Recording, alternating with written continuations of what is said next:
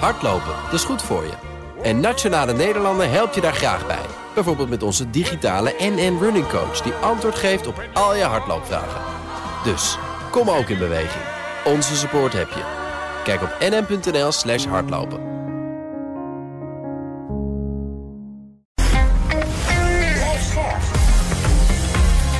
BNR Nieuwsradio. The Big Five. Diana Matroos. Migratie. Het is al jaren een heet hangijzer in de Nederlandse politiek en samenleving. Het kabinet viel erdoor en ook in de laatste verkiezingen speelde het weer een hoofdrol. Maar is er eigenlijk wel genoeg voor het hele verhaal in de discussie rondom het migratiebeleid? En hoe ziet dat bredere verhaal achter die politieke praatjes dus eigenlijk uit? Daarover ga ik deze week in gesprek met vijf invloedrijke experts in BNR's Big Five van het migratievraagstuk. En uh, vandaag mag ik uh, aftrappen met een hele mooie gast. Iemand die er ontzettend veel van weet. Leo Lucassen, hoogleraar migratiegeschiedenis aan de Universiteit Leiden. En directeur van het Internationaal Instituut van Sociale Geschiedenis. Welkom, fijn dat je er bent. Ja. Dankjewel. Ik Leuk om hier te zijn. Ja, en weer terug, hè? Want je bent vaak weer bij de Big uh, Five geweest en hier Zeker. op de zender uh, te horen. Ik ga straks heel graag met je praten over die geschiedenis, hè, want dat is echt. Uh, iets waar we ontzettend veel kunnen leren en waar jij ook alles van weet. Maar voordat ik dat ga doen, uh, twee dingen. En het eerste is: wat is nou het grootste misverstand rond migratie? Nou, het grootste misverstand is, dat migratie dat dat een probleem is. Uh, terwijl migratie er gewoon is. Um, uh, en, en een normaal fenomeen is van menselijke samenlevingen, zowel vroeger als nu. En daar moet je natuurlijk verstandig mee omgaan. Uh, maar uh, om het uh, ja, primair als een probleem te zien, dat helpt ons niet vooruit. Dus, en, en, dus je moet heel goed kijken naar over waar heb je het nou precies over. Heel vaak als het over migratie gaat, dan gaat het maar over een heel klein gedeelte daarvan. Dan gaat het mhm. heel vaak over asiel. He, zoals afgelopen zomer, het kabinet valt over migratie. Nee, het kabinet valt over de, hoe je met asielzoekers moet omgaan en hoe je die moet opvangen. Dat is misschien 10% van het geheel. Um, dus je ziet ook dat het enorm wordt versmald tot die migranten waar mensen nou, mm -hmm. uh, uh, terecht of, of ten onrechte uh, denken dat dat een probleem is. Er zitten al heel veel mooie elementen in om straks met jou te ontrafelen. Maar wat ik ook aan jou zou willen vragen is een persoonlijke vraag. Want je spreekt hier ook over uit. Hè? heel erg lang. Je schrijft opiniestukken. Hoe wordt er doorgaans gereageerd ook bijvoorbeeld als je dingen op X zet? Ja, heel, heel verschillend. Er zijn natuurlijk mensen die, nou, die het met me eens zijn... of nou, het prettig vinden om, en fijn vinden om gewoon bijgepraat te worden... op grond van feiten en van wetenschappelijke inzichten. En dat probeer ik zo goed en zo kwaad als kan eh, te doen. Maar ik krijg natuurlijk ook uh, tonnen stront over je heen... Uh, en zeker op X, en dat wordt bij X alleen maar erger, omdat nou, de meeste heel veel mensen daar nu vertrekken die wel een zinvolle mening hadden. En dus die het daar niet meer volhouden. Dus je krijgt heel veel uh, negatieve mm -hmm. dingen over je heen die. Nou ja, waar ook vaak het blijkt mensen die stukken helemaal niet lezen. Uh, maar gewoon voorko voorkomen aanslaan alleen op het woord. En als je er ook maar iets positiefs of iets nuancerend of nou, ehm, iets over zegt, ja, dan, dan deugt het dan niet. En nou, dat, dat tekent wel laat ik zeggen, de sfeer een deel van de samenleving. Mm -hmm. Want goed, je moet ook niet denken dat... Iedereen op, zo denkt, hè? Nee, want die en, zitten niet op X Twitter of X nee. is natuurlijk niet, niet de, gelukkig niet mm -hmm. de uh, representatief ja. voor de samenleving als geheel. Maar goed, we, we hebben wel uh, um, toch behoorlijk nogal wat mensen op partijen gestemd in de afgelopen verkiezingen, die ook wel dit heel negatieve geluid uh, voortdurend ja. rondpompen. Raakt het je als je, want hè, je bent natuurlijk echt, ik zeg ook, nou, een van de invloedrijke experts op dit gebied. Je bent er al zo ontzettend lang mee bezig. Je spreekt echt uit vanuit uh, inhoud. Uh, raakt het je dat er dan zo over gesproken wordt over jou? Nou, voor mij maakt het niet uit. Nee, gewoon nee, nee absoluut niet. Nou, ze, oh. ze moeten. Goed van je. Um, maar wat me wel raakt is um, wat, het, wat het doet met mensen. En, en, en goed, ik, ik, ik heb zelf ben nooit afgestudeerd op een op Frans antisemitisme in de 19e eeuw. En antisemitisme heeft sowieso altijd. En, en ook racisme in het, in het algemeen heeft mij mijn grote interesse. Mm -hmm. uh, ja, en dan zie je in de geschiedenis natuurlijk wel wat dit soort van ja, stemmingmakerij kan doen uh, in het leven van mensen. En dan bedoel ik niet de directe holocaust, of, of, of uh, dat is de meest extreme uiting. Maar nou, mensen met een hoofddoek in Nederland, nou ja, je weet gewoon dat die gewoon meer eh, eh, vuiligheid over zich heen krijgen. Als, als politici.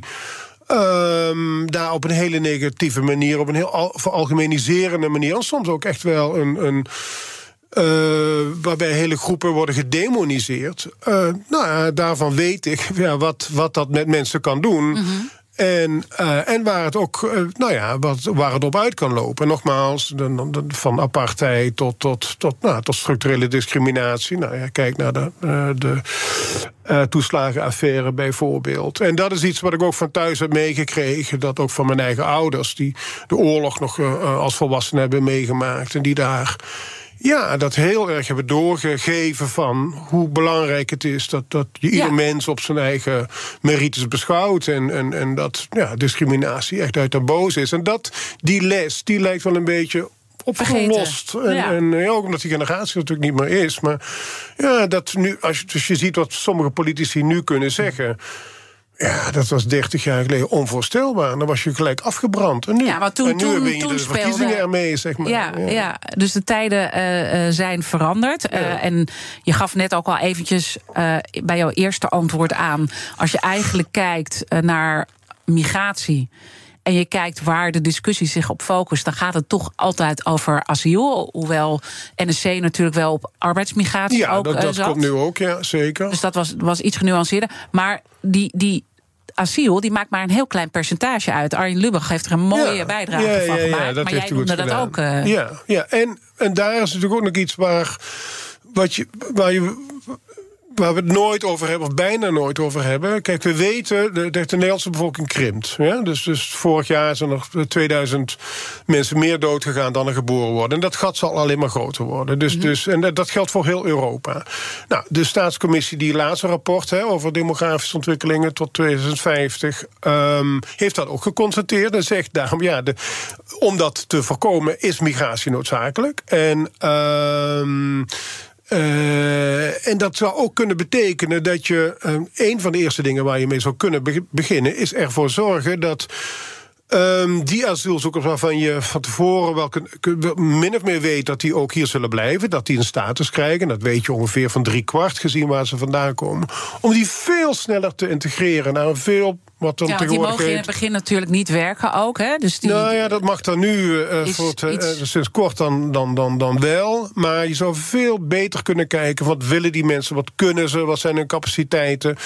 Um, en ja, hoe kun je ze bijscholen zodat je ze zo snel mogelijk... dat is in ieders belang. Ook al heb je een rothekel aan ja. vluchtelingen... dan is, nog, is het in je welbegrepen eigen belang... dat die zo snel mogelijk hun eigen geld verdienen, bij wijze van spreken. En, maar dat is echt heel veel menselijk kapitaal... wat we de afgelopen 40 jaar ja, van heel groot deel Ja, en dan uh, komen we toch, want we gaan straks nog wel even helemaal op die arbeidsmigratie. Uh, in... en ook op uh, de staatscommissie migratie. Maar voordat we dat gaan doen, die asielzoekers, uh, asielmigratie, ja. was in 2022 11% van de totale migratie. Ja, dat bleek ook uit het mooie overzicht van Arjen Lubach kwam dat ook uh, naar voren. Wat maakt het dan zo aantrekkelijk om het daar vooral over te hebben en dat als, nou ja, zondebok te gebruiken? Nou ja, zondebokken die hebben natuurlijk altijd een functie. Um, namelijk um, de functie om de echte oorzaken van problemen um, daarmee uit het zicht te houden. Mm -hmm.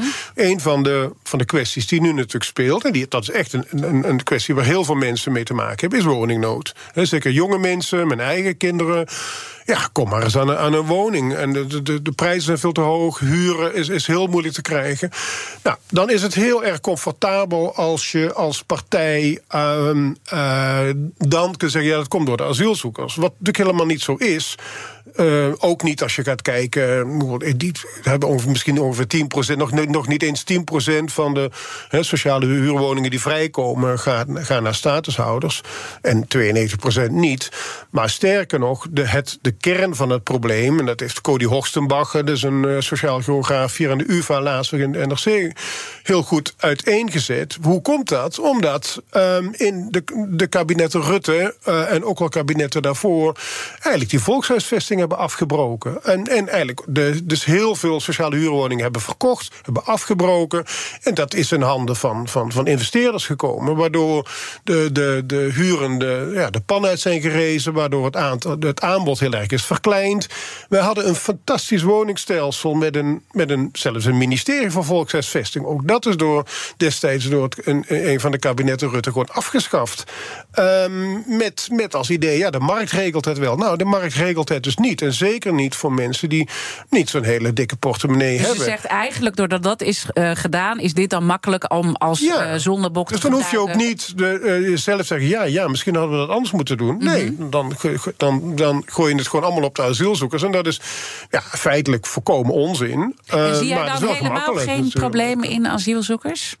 He, want het is natuurlijk, uh, het is maar 11 procent. Maar goed, het, het, zijn ook mensen die toch heel lang uh, blijven. En die natuurlijk wel aanspraak doen op onze verzorgingsstaat. Zeker. Dat zou je wel allemaal feitelijk natuurlijk kunnen zeggen. Ja, dat is ook zo. Uh, maar goed, wij hebben ooit bedacht dat, dat wij om humanitaire redenen het belangrijk vinden om ook vluchtelingen op te vangen. Kijk, als je dat niet meer wil, als we met z'n allen zouden zeggen, nou, onzin, uh, um, ze bekijken het zelf, maar dat kan. En dan, en dan hou je ermee op. Maar overigens moet je dan wel uit de EU stappen, als je dat, als je die, ja, dat standpunt zo, zou, even zo innemen. toe, maar ja.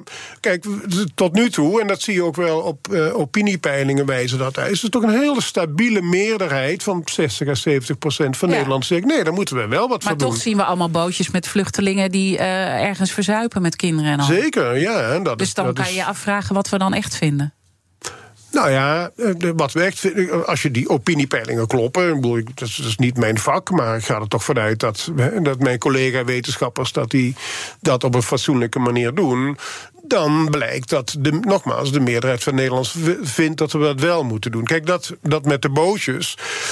Dat is iets van de afgelopen 20, 25 jaar. En dat, dat is een gevolg van het feit dat wij het onmogelijk maken voor mensen om bijvoorbeeld vanuit Syrië het vliegtuig te pakken naar Schiphol. Want daarvoor heb je een visum nodig en dat krijg je daar niet.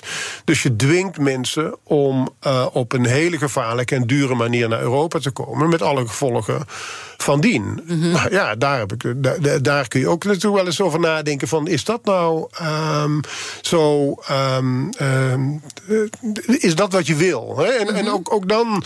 ik Maar er staan natuurlijk ook weer eh, gevaren tegenover waarom we dat natuurlijk zo weren. Omdat we ook eh, weten dat we ook problemen in huis houden. Niet eh, elke serie is een probleem, maar je haalt ook problemen in huis. Nou ja, je had de, de, als je gaat kijken naar, laat ik zeggen, bijvoorbeeld criminaliteit. of, of hoe, de, hoe eh, vluchtelingen en statushouders het op langere termijn doen. dan haal je helemaal niet veel problemen in huis. Kijk, er, er, er is heel veel aandacht voor, bijvoorbeeld bij Ter Apel. Hè, voor een vrij kleine, eigenlijk een kleine groep van ongeveer 5% van van asielzoekers die weer, weer claimt kansloos is. Het gaat vaak mensen uit, mensen uit Algerije of uit Marokko. Niet allemaal, maar een deel daarvan. Ja, en die, eh, die veroorzaken een hele hoop eh, ehm, eh, ellende, zeg maar. Maar dat is echt een heel kleine minderheid van, van, de, groot, van, van, die, van, die, van de groep die hier asiel aanvraagt. En, dat is ook daarvan. het resultante van het beleid wat we eigenlijk ook, eh, zeg jij, eh, doelbewust Ja. voeren om die mensen op een heel klein Ja. stukje ter apel Ja, te en ook dat is iets. Kijk, de, waarom de huidige. Zeker BBB en de PVV die ook tegen die spreidingswet zijn. Ja, dan, ik ben geen cynicus, maar dan zou je toch bijna gaan denken van... eh, het komt ze ook heel goed uit om die concentratie maar te houden... want dan kunnen ze steeds maar blijven roepen... kijk eens hoe het erg het met die asielzoekers is. De Big Five. Diana Matroos. Mijn gast is Lea Lucassen. Hij is hoogleraar migratiegeschiedenis aan de Universiteit Leiden. Ehm, eigenlijk eh, nou ja, hoor ik jou door alles heen zeggen van het beleid wat we hebben gevoerd, dat is niet op eh, de realiteit eh, berust. Zeg ik dat goed? Nou ja, het, het is, er zit heel, het is op heel veel onderbuik en vooroordelen gebaseerd. Althans, dat geldt niet voor al het beleid. Hè. Ik bedoel, migratie is bijvoorbeeld mensen ook met een hoge opleiding... en die hier bij, eh, bij ASML en bij andere techbedrijven komen werken... waar Klaas Knot gisteren bij Buitenhof het nog over had... hoe zeer wij die nodig hebben. Ook dat zijn gewoon arbeidsmigranten. Ehm, ehm, ik denk dat die, dat beleid redelijk goed werkt. Hè, want je, je wil voor een aantal bedrijven waarvoor het echt te weinig aanbod aan, aan personeel is in Nederland. Hè. Er zijn te weinig mensen hier geboren en, of hier wonend die Mhm. een, een opleiding volgen waar ASML iets aan heeft. ASML, bijna de helft van, Ja, de, maar van ik de hoorde mensen toch komen. ook NSC wel kritisch over die arbeidsmigratie. Hè? Dus we weten ja, maar niet dan gaat het wat... over die laaggeschoolde. Ja. Of nou, laag, die mensen zijn lang niet altijd laaggeschoold overigens, maar om. Laaggeschoolde uh, arbeid. Ja, en, en daar heeft denk ik NSC zeker een punt. En dat is ook iets wat, nou, wat ik al wat experts al, al veel langer zeggen, wat ook in die staatscommissie wordt gezegd. Ja, wat als je echt iets met migratie wil, en, als je de knoppen waar je aan kunt draaien, dat zijn er eigenlijk helemaal niet zoveel. De enige knop waar je echt aan kunt draaien zijn die hoogopgeleiden. Je zou kunnen zeggen. Uh, geen experts meer. Geen, uh, nou, dat, dat is natuurlijk zelfmoord voor een aantal bedrijven. Dat gaan we niet doen. Met de, de knop waar je verder aan kunt draaien is eigenlijk je eigen economie. Uh, want mensen uit Polen, Roemenië, Bulgarije, ja, die hebben gewoon het recht om hier naartoe te komen. En, maar die komen hier alleen naartoe als er heel veel aanbod van een bepaald type werk is. Mm -hmm. En dat is met name. Want je zegt je moet kijken naar het overgrote deel uh, van de migratie. En dan uh, is dat toch gerelateerd aan arbeidsmigratie of ja. de ja, de, ja. de, degene die hier komen studeren, waar trouwens ook NSC wel wat kritischer naar kijkt. Ja, nou, over dat laatste moeten we het even apart over hebben. Maar nog eventjes terug ja. naar die, die, die laagwaardige uh, bedrijven. Dus dan heb je over distributiebedrijven, over slachthuizen, over de, um, uh, de kassen in het Westland. Ja. Nou, die draaien op uh, heel slecht betaalde en deels uitgebuite arbeidsmigranten uit Oost-Europa. Um, er stond laatst een, een, stukje in, in de krant, het ging over het Westland. Um, die dus ook al hadden geweigerd om mee te werken met die spreidingswet voor asielzoekers. Maar als je daar iets zegt over, zouden we niet ook onze eigen arbeidsmigranten, nogmaals waar het Westland op draait, zouden we daar niet wat meer aan betere huisvesting, et cetera, moeten doen? Nou, dan krijg je daar ook de wind van voren. Dus dat is toch wel heel erg treurig um, dat je aan de ene kant weet dat je afhankelijk bent van Polen, Roemenen, uh, Bulgaren, en aan de andere kant niet bereid bent om daar ja, uh, om deze mensen een, een beetje een menswaardig, fatsoenlijk, uh, fatsoenlijk, dat fatsoenlijk te regelen. En, maar goed, als je, dat min, als je echt minder migratie wilt, dan is daar, dan is die sector, want dat is een hele grote sector. Uh, waar je, nou, die je misschien zou moeten verkleinen. Misschien maar moeten hoe, wij, hoe dan? Want nou ja, ik bedoel, ze met, kunnen heel met, makkelijk hier komen. Dus zeker, dat, nee. Dan moet je bijvoorbeeld misschien minder vergunningen afgeven voor distributiecentra. Uh, dan moet je misschien toch die, die bio-industrie en die slachthuizen moet je gaan inkrimpen. En dat zijn natuurlijk heel. En dat is ook dingen, adviezen die in de, bij de staatscommissie naar voren komen. Mm -hmm. um, alleen dat is niet iets wat je van vandaag op morgen doet. Hè. Dat is lange termijn beleid. Um, en. Um, uh, dus daar heb je misschien over twintig jaar. Dus je moet eigenlijk je, je economie, um, uh, als je die naar, meer naar een kenniseconomie zou willen draaien. Ja, maar dat zegt de staatscommissie, hè? Je moet ik denk dat dat een heel verstandige, uh, zeker op dat kleine stukje waar we hier met z'n allen zitten, ik denk dat een hele verstandig advies is. Maar um, dat veronderstelt dat je, dat je kabinetten hebt die dat ook na elkaar, dat die, net als de Delta-werken bij wijze van mm -hmm. spreken, zeggen van nou in 2050 willen wij nog maar 80, nog maar 20 procent van al die distributiecentra hebben. Um, en dan zal ook, laat ik zeggen, het aantal mensen ja. wat daarvoor nodig is. De vraag is, is of dat uh, gaat gebeuren. Daar gaan we het zo nog wel yeah. even over hebben. Maar eerst eventjes, um, als je kijkt dat dit de belangrijke punten zijn. En we hebben een paar keer al die staatscommissie, hè, die staatscommissie uh, Demografische Ontwikkelingen 2050. Yeah. Die hebben het over gematigde groei. Ja. He, want dat, dat is wel belangrijk. Ze hebben verschillende, voor de mensen die het toch niet helemaal hebben meegekregen, ze hebben verschillende scenario's ja. uh, geschetst. Van nul groei uh, uh, tot helemaal niks doen en het laten nou ja, ontsporen, is eigenlijk wat ze dan zeggen, -huh. waar we dan op afgaan. en zij zeggen, kies voor gematigde groei. Ben je het met ze eens? Ja, ik denk dat het een heel verstandig advies is. Um, kijk, niks, uh, als je zou zeggen van, bij wijze van spreken, grens dicht. Uh, nou ja, uh, A, dat kan natuurlijk niet. Alleen als je, als je uit de EU zou stappen. Nou, mm -hmm. dat zou catastrofaal zijn voor de Nederlandse economie. Dus dat gaan we niet doen. Uh, maar dan krimpen we. Ja? Dus, ja. dus, dus, want er, er, worden minder mensen geboren dan er doodgaan. Nou ja, dat betekent al heel gauw dat je voor je verzorgingsstaat... Uh, want de, de, mensen die premies daarvoor moeten betalen... dan kom je al heel gauw in de problemen. Kom je ook in de problemen met allerlei, uh, laat ik zeggen, sectoren... zoals de zorg bijvoorbeeld...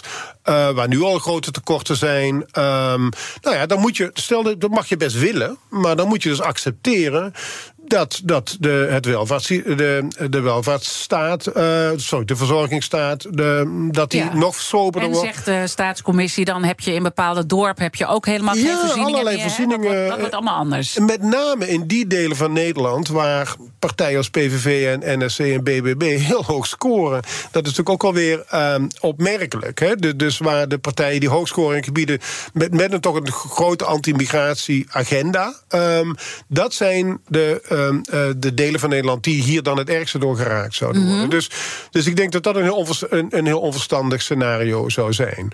Um, die gematigde groei, die krijg je nogmaals als je.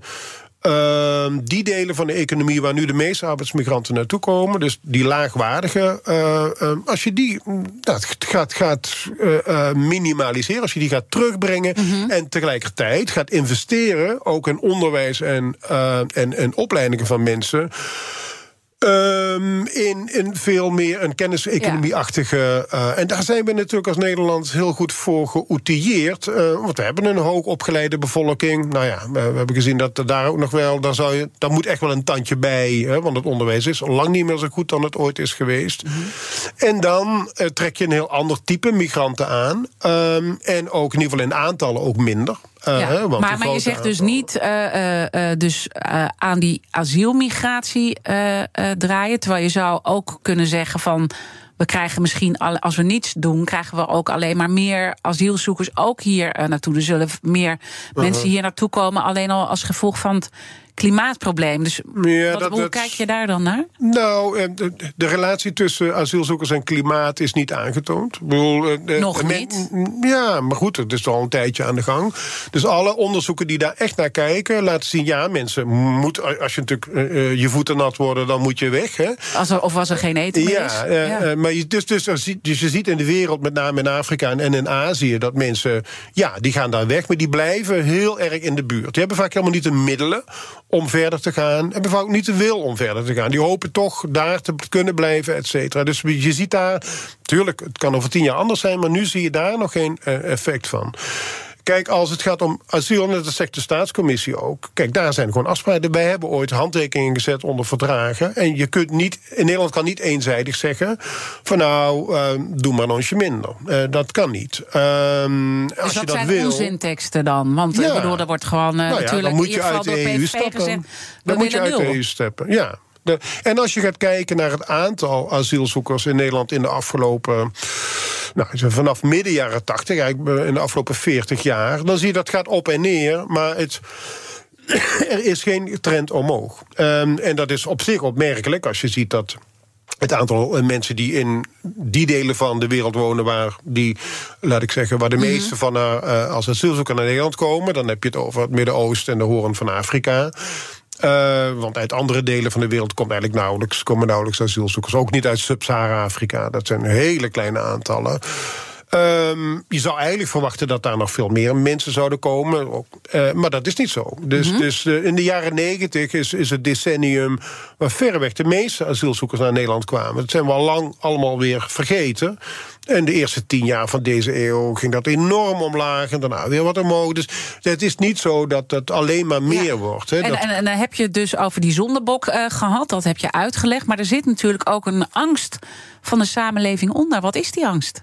Nou, de angst is uh, uh, dat, ze, dat crimineel zijn, dat ze vrouwen lastigvallen, dat ze heel veel geld kosten. Uh, nou, al die angsten, nogmaals, als je alle onderzoeken bekijkt, die. Ja, over dat geld moet, kan ik even apart hebben, maar die andere angsten, die, dat blijkt niet uit de feiten. Laten we dat dan zo meteen uh, verder ontleden en daarbij ook leren van de geschiedenis. Hoe gingen we toen met migranten om? Zometeen praat ik verder met Leo Lucas, hoogleraar migratiegeschiedenis. Blijf luisteren. Hardlopen, dat is goed voor je. En Nationale Nederlanden helpt je daar graag bij. Bijvoorbeeld met onze digitale NN Running Coach... die antwoord geeft op al je hardloopvragen. Dus, kom ook in beweging. Onze support heb je. Kijk op nn.nl slash hardlopen. Een berichtje van Odido Business. Hoe groot je bedrijf ook is of wordt, bij Odido Business zijn we er voor je.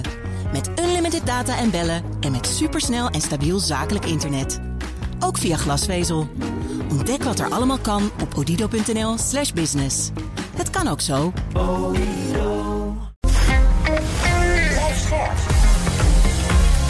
BNR Nieuwsradio. The Big Five. Diana Matroos. Welkom bij het tweede halfuur. Deze week praat ik met vijf kopstukken uit de wereld van de migratie. Later deze week zal ik nog spreken met Jeroen Lennaars. Hij is Europarlementariër namens het CDA en weet echt alles van het Europees migratiebeleid.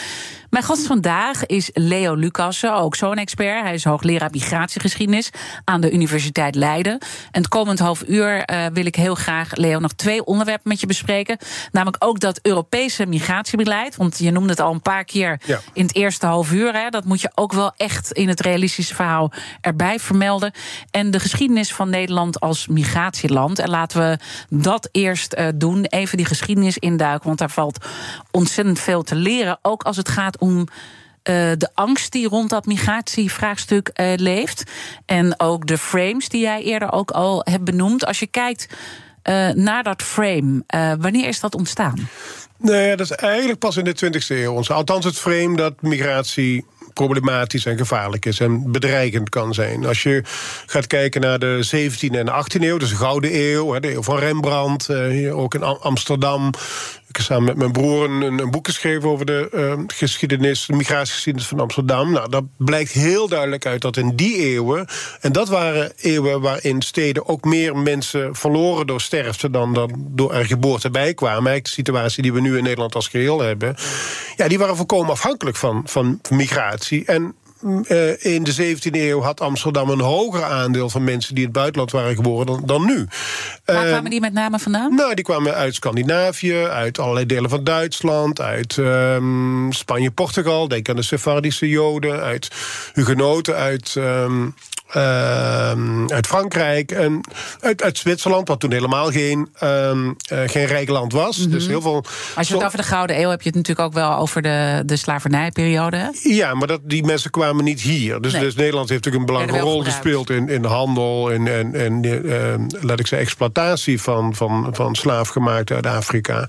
Maar uh, de, de, de, de kern is dat in de 17e en 18e eeuw de migratie was, werd helemaal niet geproblematiseerd omdat iedereen zich heel goed realiseerde hoe sterk de Nederlandse economie, en die was toen een van de modernste ter wereld, daar volkomen afhankelijk van was. Omdat we hier met veel te weinig mensen waren om, nou ja, uh, al die ambitieuze globale. Uh, ja, dus toen was het eigenlijk ook al economie gestuurd. Ja, hè? een heel sterke economie. En Amsterdam had twee eeuwen lang de poorten gewoon openstaan. En hoe zat dat met de, met de Joden uit Antwerpen? Want dat is ook nog zo'n hele stroom die. Nou, de, de Antwerpen komt later, maar in die 17e en 18e eeuw. Uh, je, hebt, je hebt twee uh, verschillende groepen ja. Joodse immigranten. De een, de eerste, dat zijn de Sephardische Joden uit wat, uit wat nu Spanje-Portugal is, die daar vluchten voor de Inquisitie. Die hier rond 1600 zich hebben gevestigd. Man, niet van 5.000, 6.000 mensen. Dus die, he, de, de, de, de, prachtige synagoge he, vlakbij Waterloopplein, die er nog steeds staat. Maar een veel grotere groep kwam uit wat nu de oostelijke delen van wat nu Duitsland is, een beetje westen van Polen. Dus Ashkenazim, um, dat is een veel grotere groep. Die waren veel orthodoxer. Uh, die kon je ook heel gemakkelijk vaak herkennen op straat. Die werden ook enorm gepest en gediscrimineerd. Uh, maar goed, die waren, kregen wel het recht om zich in Nederland, met name in Amsterdam, uh, te vestigen. en daarmee is Amsterdam een heel belangrijk Joods centrum geworden. Nou wel, en dat was, dat, dat was wel een groep waar enige angst voor bestond. Uh, ook met, met antisemitisme uh, vermengd. Ja. Uh, en dat was ook een groep die hier geen burgerrechten kon krijgen. Ze mochten hier wonen in Amsterdam. En waarom, waarom keerde dat? Want waar dus vroeger in de Gouden Eeuw heel anders naar werd gekeken. Ja. waarom keerde dat toen? Ja, dat keert um, um, eigenlijk pas in de loop van de 20e eeuw, en zeker in, in, in, in de jaren 20 en 30. En dat heeft alles mee te maken dat je dat toen um, een hele dat je toen de, wat we nu noemen de nazistaat En Nederland, zoals we dat nu kennen, dat is nog maar nou, dikke 200 jaar oud. Daarvoor wa, wa, werd het migratiebeleid door steden zelf. Hè. Amsterdam had een eigen migratiebeleid, Leiden had een eigen migratiebeleid. Nou, vanaf 1815 ongeveer uh, zie je dat dat wordt op, op nationaal niveau wordt dat uh, mm -hmm. bepaald. En het idee van een natiestaat is dat uh, het ideaal is dat je een etnisch homogene bevolking hebt. Uh, en daar past migratie niet zo heel goed bij. Want dan krijg je allerlei mensen met, met een andere cultuur. Dat werd toen ineens veel meer geproblematiseerd. Maar je ziet eigenlijk dat dat pas na de Eerste Wereldoorlog een wat hogere vlucht gaat nemen. En de eerste groep die daar enorm veel uh, last van heeft gehad, ehm, ja, zijn Joodse vluchtelingen uit Duitsland. Die in de jaren 30 uh, echt volkomen ongewenst eh, waren. En, we weten allemaal wat er vervolgens gebeurd is natuurlijk. Ja, en in 38 werd de grens gewoon gesloten. Nou goed, er kwamen mensen nog wel illegaal en zo binnen. Maar, maar dat is, en dat, daar was het idee van, ehm, ja, deze mensen hebben een te andere cultuur, passen hier niet. En ook wel angst om Hitler voor het hoofd te stoten. Dat speelde daar ook nog wel in mee. Uh, maar daar zie je dat die ideologie van de nazistaat, nogmaals, dat het eigenlijk een soort homogeniteit. En als je dat dan nu, uh, want het is altijd interessant om te leren van de geschiedenis. Als je dat uh, pakt en je, je, je, je, je kijkt dan naar de tijd waarin we nu leven, wat zijn dan de lessen die we kunnen trekken? Nou ja, de lessen die we kunnen trekken is dat, is dat je kunt wel tegen migratie zijn, maar migratie is, een, is, is er, of je het leuk vindt of niet. Daar kun je wel, laat ik zeggen, als staat kun je daar wel uh, beleid op of, of je meer of minder wilt, of een bepaald type migranten meer of minder wilt. Dat kan, maar dan moet je dan heel goed over nadenken. Maar de, het idee dat, laat ik zeggen, dat je de grenzen zou kunnen of, uh, of willen sluiten, uh, zoals sommige partijen roepen, dat is volkomen onzin. dat, dat, kan helemaal niet. En dat zou ook heel, al heel gauw heel slecht uitpakken voor de Nederlandse economie, maar ook hoe de, de prijzen in de supermarkten zouden omhoog gaan. Pakjes die je bij bol.com bestelt, komen echt niet de volgende dag meer aan. Uh, nou, en ga zo maar door. En de vraag is of überhaupt arbeidsmigranten, waar we eerder over spraken, nog wel willen komen. Omdat ze ook tekorten hebben op de plekken waar ze nu vandaan komen. Ja, want zeker. Want de meeste arbeidsmigranten op dit moment komen uit Polen, um, Roemenië, Bulgarije. Nou, je ziet dat in dat deel van Europa de bevolking nog veel meer krimpt dan hier al doet. Mhm. Je ziet ook dat de economie daar groeit uh, en het verschil met West-Europa kleiner wordt. Dus ik denk dat we nu zie je dat die stroom al enigszins opdroogt. Ja. Het zou best kunnen zijn dat over tien jaar ja, te denken, waar, waar, waar halen we de mensen vandaan? Zeker als we niks aan de structuur van onze economies willen doen. Hè? Dus, dus dat die heel uh, laag gekwalificeerde of uh, laagwaardige ja. sectoren, als we die gewoon maar, als die maar blijven expanderen. Ja. Denken, ja. Oké, okay, dus dat, dat is een les uh, om te trekken. Maar hoe ik mijn vraag ook bedoelde eigenlijk, is de angst. Wat kunnen we daarvan leren? Want jij beschrijft eigenlijk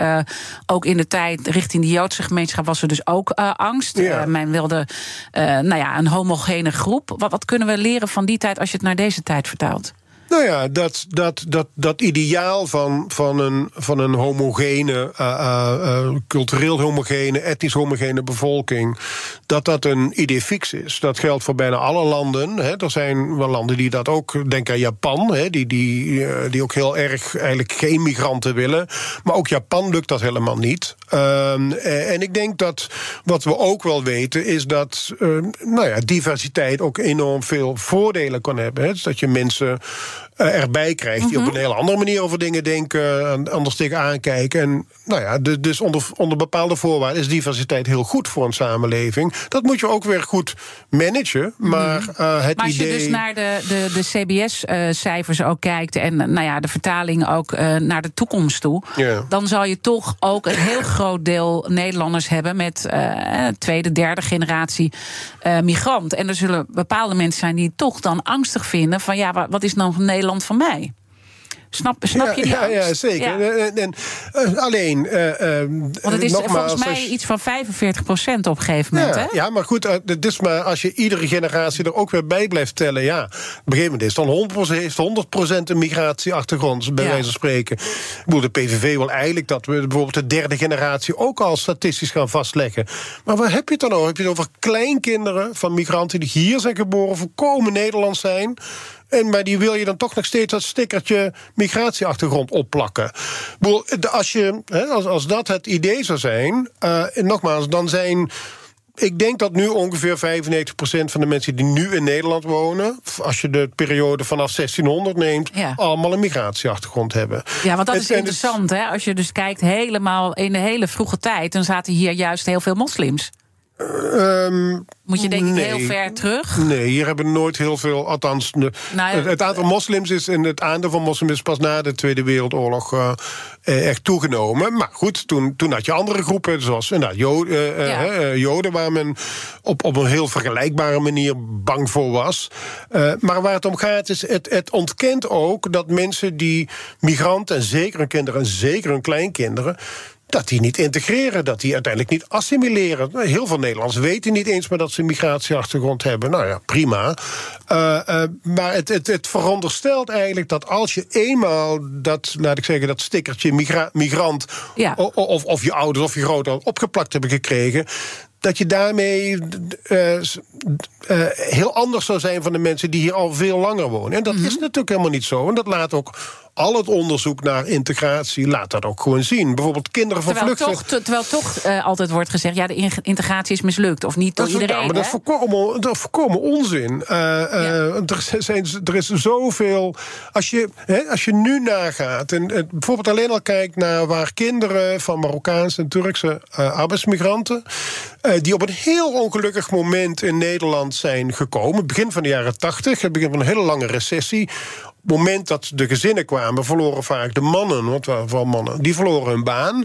Slechte huizen in de grote steden, nou, dat heeft allerlei sociale problemen eh, gecreëerd. Maar als je nu kijkt naar hoe hun kinderen het op in het middelbaar onderwijs doen, veel beter dan je zou ook maar zou kunnen Ja. verwachten. En het aantal ehm, daarvan. En toch hebben we door alle jaren heen gezien, of het nou eh, met Jan Maat eh, was. ehm, nou ja, natuurlijk, eh Bolkestein is een belangrijke persoon geweest. Hè, Ja, zeker. Rondom dit, dit punt agenderen. Ja. Nou, daar hebben we natuurlijk ook nog. ehm, help me even. Belangrijke sleutel voor Fortuin.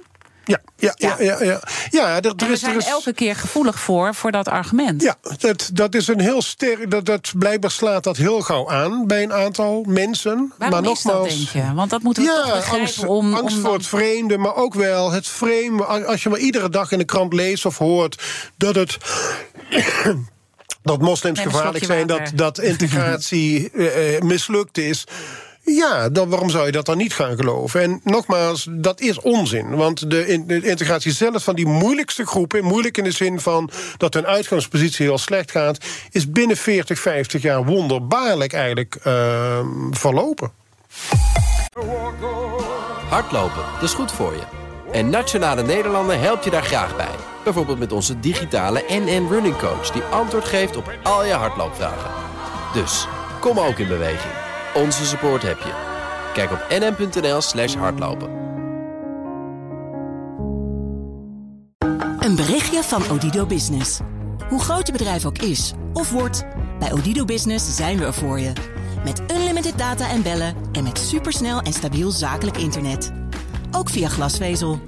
Ontdek wat er allemaal kan op odido.nl/slash business. Het kan ook zo. BNR Nieuwsradio. The Big Five. Diana Matroos. Je luistert naar BNR's Big Five van het migratievraagstuk. Eh, deze week ontrafelen we helemaal hoe die migratie nou in elkaar zit. En proberen we de zin van de onzin te scheiden. Later deze week zal ik nog spreken met Ingrid Thijssen, voorzitter van VNO-NCW... over de rol van arbeidsmigratie in de Nederlandse economie. En dat is een eh, belangrijk punt om uit te lichten... want dat heb ik ook al begrepen van mijn gast vandaag, Leo Lucassen... hoogleraar migratiegeschiedenis aan de Universiteit Leiden. Migratie is heel vaak economie gestuurd. Eh, mijn gasten stellen elkaar vragen via de kettingvraag. En vorige week had mijn eh, collega Art Rooijakkers een eh, andere week. Die ging eh, in gesprek met vijf experts over de groeiende rol en invloed van sociale media in en op ons leven. Dat is allemaal terug te luisteren ook in de podcast. Maar zijn laatste gast die week was GroenLinks-Europarlementariër Kim van Sparrentak. En Kim had deze vraag voor jou, Leo. Luister maar. Arbeidsmigratie is natuurlijk een ontzettend grote discussie. We hebben meer uh, mensen nodig. Uh, maar uiteindelijk zien we toch ook vaak uh, nou, het, het, probleem van dat, dat die mensen ontzettend slecht behandeld worden. met met z'n tienen in één huis moeten. En dat hun huisvesting ook gekoppeld wordt aan een arbeidscontract. -hmm. In hoeverre uh, vindt, uh, vindt meneer Lucas dat, dat dat eigenlijk de verantwoordelijkheid meer is van Nederland om daar iets tegen in te doen? Of zullen we dat toch echt helemaal in Europa moeten oplossen? Ja, mooie vraag. Moeten we het hier oplossen of in Europa? Um, nou ja, dit moet je toch vooral hier oplossen. Uh, zeker als het gaat om die, uh, die kwestie van uitbuiting en die hele ongewenste koppeling van, van, van werk en huisvesting. Uh, daar heeft ook, de, ook commissie Roemer al jaren geleden op gewezen hoe onwenselijk dat is. Dus mm -hmm. als je laat ik zeggen, je, je baantje verliest... dat je onmiddellijk dezelfde dag nog uh, met je spullen... Uh, word je uit de huisvesting gegooid. Nou ja, met alle gevolgen van dien.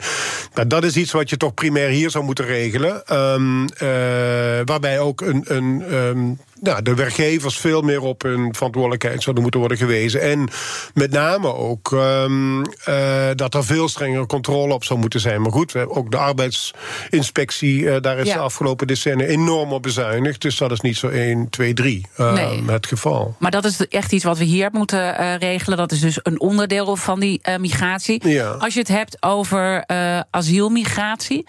Uh, waar, waar moeten we dat en hoeveel vrijheid hebben we daar überhaupt in? Want je noemde ook al een paar keer Europa. We weten natuurlijk ja. ook dat er een migratiedeal is gesloten. We weten dat we hier een spreidingswet uh, nu door de Eerste Kamer hebben. Hoeveel vrijheid hebben we en hoeveel uh, onzin wordt er eigenlijk verkocht hier ja. in Nederland als je het naar Europa Nou ja, als het gaat om mensen die hier asiel aanvragen, daar ja. hebben we eigenlijk geen vrijheid in. Want we, dat geldt voor alle landen die het vluchtelingenverdrag hebben ondertekend, maar ook alle landen die lid zijn van de Europese Unie. Want ook daar heb je het Europees Verdrag voor de Rechten van de Mens... waar ik dezelfde dingen in staan als in het Vluchtelingenverdrag. Tenzij we natuurlijk uit uh, Ja, als je uit zou stappen, zoals ja. Engeland... Dat kun je de, dan, dan, dan kun je je eigen uh, beleid gaan voeren. Alhoewel ook dat wel weer aan internationale regels is gebonden. Kijk naar Engeland, hè, die mensen naar Rwanda willen sturen. Nou ja, dat, dat, daar heeft de Engelse rechter ook weer van gezegd... Van, nou, tot nu toe in ieder geval dat dat niet mag. Dus ook, je kunt niet zomaar alles doen Uh, maar goed, uh, ik ervan uitgaande dat er toch geen meerderheid komt hier om uh, voor een nexit.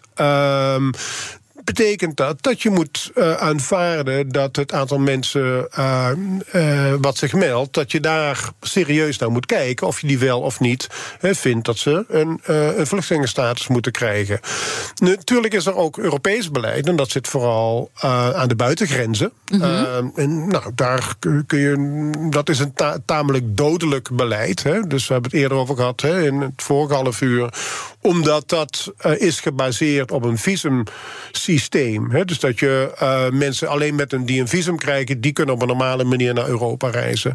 En je ziet dat er heel weinig visa worden afgegeven aan mensen... waarvan je wel, zoals uit Syrië de kans heel groot is als ze het wel redden, hè, dat ze een, uh, wel een status krijgen. Nou, die migratiedeal waar je het over had, ja, dat zijn allemaal hele vage plannen die dan ook to totaal niet zijn uitgevoerd. En een van, de ken een van de elementen daarvan is dat je als land kunt zeggen, nou, ik wil er minder, maar dan in, in, in, in plaats daarvan betaal ik een hoop geld en dan moeten ze maar naar een ander land. Mm -hmm. uh, ik, ik denk niet dat dat, ik, ik, ik denk niet dat dat veel kans van slagen heeft, omdat uh, het resultaat daarvan zal zijn dat de landen waar de mensen aankomen, ja. en dat is ook vooral Zuid-Europa, Italië, uh, Griekenland en Spanje. Uh, uh, ja, die hebben geen keus. En dat, Nederland en mensen in Noordwest-Europa zouden allemaal kunnen zeggen: Nou, we hoeven ze niet, maar hier heb je ons geld. Mm -hmm. Ja, dan, dan krijg je enorme aantallen uh, die zich daar concentreren. Wat voor die mensen zelf natuurlijk heel slecht is. Want ja, maar ook voor die landen. Dus, ik bedoel, je kan ze geld geven. Ook. Maar je, dat, je creëert een Europees ghetto eigenlijk. En dat lijkt mij nou niet de, de, ja. de beste manier om dit probleem op te lossen. En de vraag is überhaupt nog wat het uh, Europees Parlement hierover gaat ja, zeggen. Ja, dit dus... is allemaal nog... Uh, dit is, ja, uh, ik denk niet dat het op deze manier zal gaan. En, maar het, het, het, ook dat wijst er weer op dat er niet echt serieus naar wordt gegaan. Eigenlijk zou je een soort Europese spreidingswet moeten hebben. Hè? En eigenlijk hebben die al een beetje, maar daar wil deze migratiedeal weer een, ook weer een beetje van af. Zodat want mensen, net zoals gemeenten zouden zeggen: Nou, uh, ik wil geen asielzoekers opvangen, maar hier heb je 10 miljoen of zo, of 5 mm-hmm. miljoen. Uh, mm-hmm. En dan mogen ze allemaal in Terapel blijven, bij wijze van spreken. Ja, dat, is, dat is denk ik precies de verkeerde manier. Uh, waarbij ook allerlei problemen, met name ook voor die mensen zelf, maar ook voor de mensen die daar wonen, waar, mensen, waar die asielzoekers worden opgevangen. Ja.